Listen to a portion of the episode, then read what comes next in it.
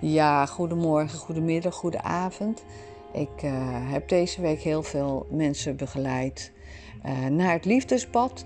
En uh, ja, eigenlijk mensen bewust gemaakt en kunnen maken van wat is nou hetgene wat jij nodig hebt, wat je uitzendt en wat je les is. En watgene wat jij dus eigenlijk zelf dus nodig hebt, dat ga je altijd geven aan de ander. En dat heb je ook keihard nodig.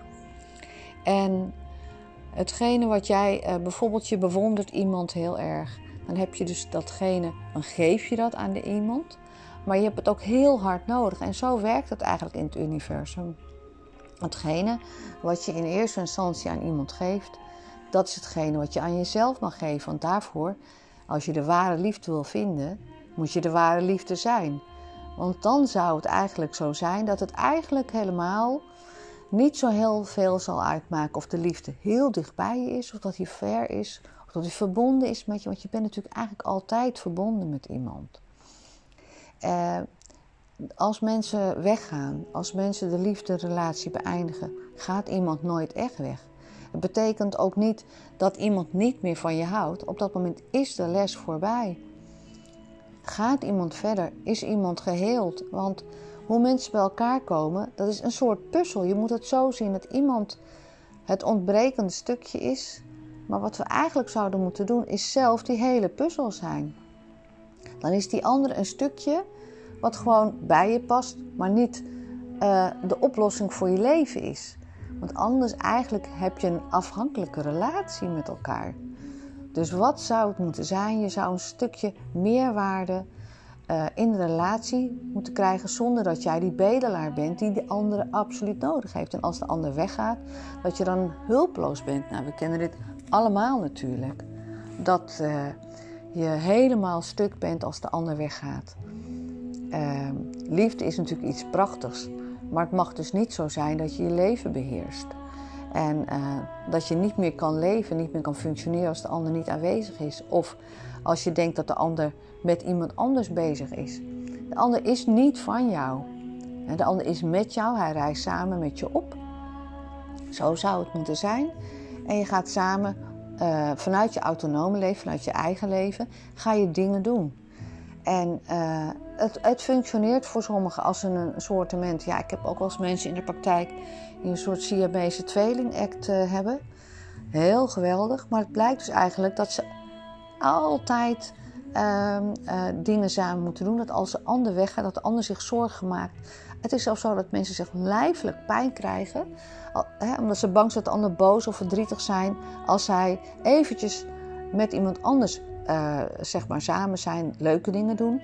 En dan voelt en dan krijgt die ander een soort boze reactie, of boze app, of een verdrietige app, of, of noem maar op. Iemand gaat dus een bepaald gedrag vertonen, omdat hij een soort van verlatingsangst of jaloezie, of hè, ik zeg meestal jaloezie is het woord niet. Het is uh, dat je te verliefd bent en dat je tijdelijk alleen bent. Nou, het woord alleen is al. Ik heb het daar heel vaak over. En uh, dus hoe help ik mensen? Ik help mensen om um, eigenlijk heel te worden. Om, om heel te worden dat je uh, op zoek bent naar jouw spiegel. En daar heb ik het ook heel vaak over gehad. De spiegel is niet reflecterend uh, wat jouw gedrag vertoont. Het is eigenlijk iemand die eigenlijk zo als jij is. Die ook precies kan lezen waar je bent. En het is, ja, we noemen het ook wel eens de tweelingziel. Um, het betekent dus niet dat jij de minderwaardige partij bent, maar het betekent dat je gelijkwaardig bent. Het moet natuurlijk nooit zo zijn dat jij de hele tijd in de angst moet zitten. Of de ander wel van je houdt, of de ander jou interessant genoeg of mooi genoeg vindt. En dat je altijd op de balancering zit van, uh, nou wij noemen het wel eens de mascara-periode. Dat je heel de tijd moet gaan zorgen. Natuurlijk moet je jezelf aantrekkelijk houden voor jezelf allereerst en voor de ander.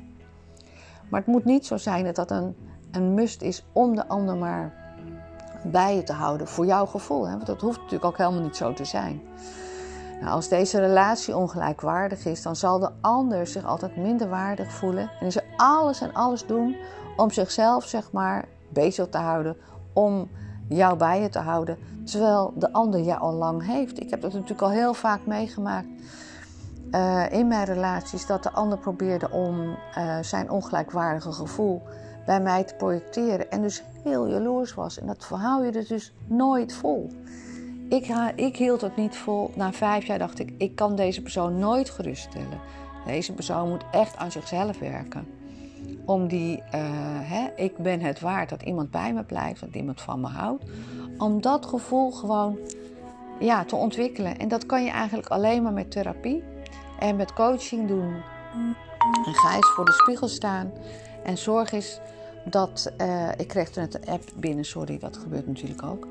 Uh, dat je eigenlijk in die rust, in de liefde, in, in het elkaar ook gunnen om met anderen samen te zijn in de vorm van vriendschap. Ik ben absoluut voor de monogamie.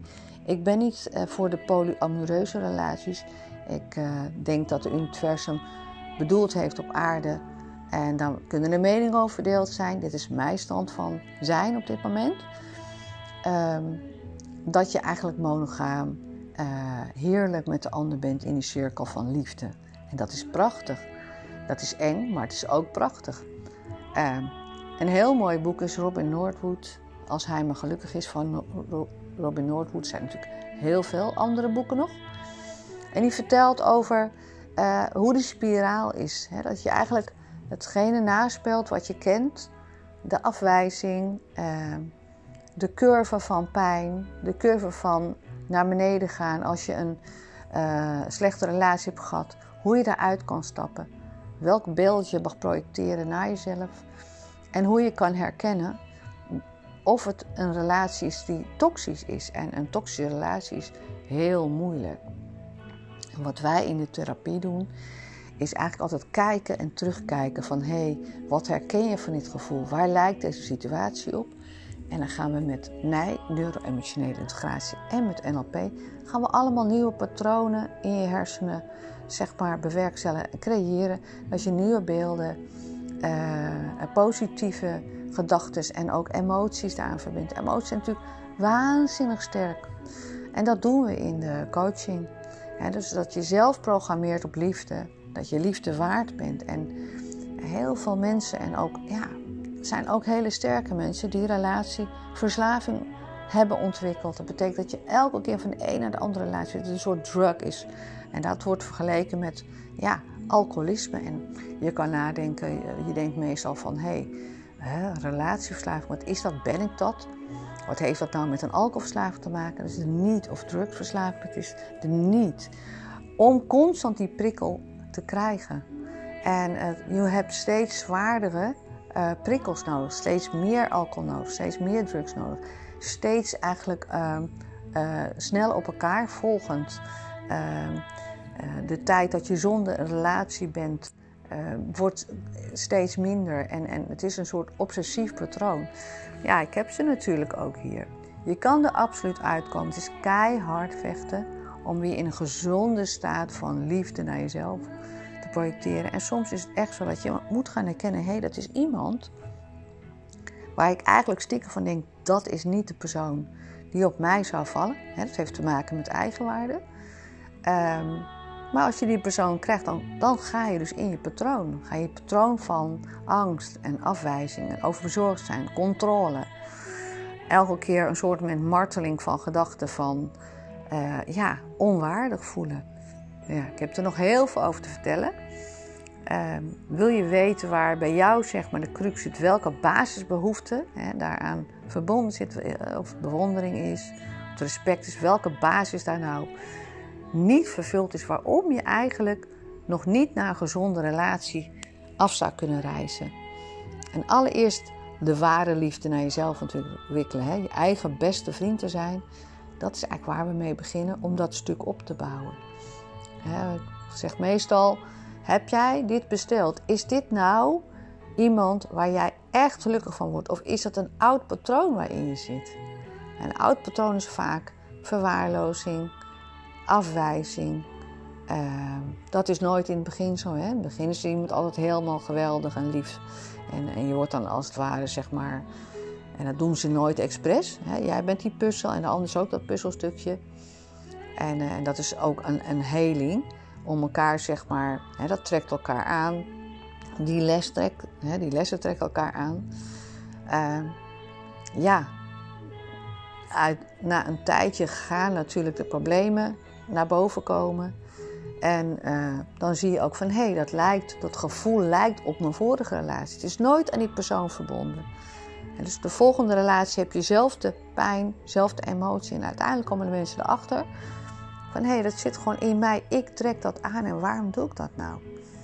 Nou, als jullie nog vragen hebben, kan ik jullie absoluut uh, helpen. Ik kan altijd eventjes een, uh, een half uurtje een gratis intake vragen dat ik even met je meekijk. Uh, de website is www.heres Body Mind. En ik ben er voor je om een beetje met je mee te kijken. En dan kunnen we aan de slag.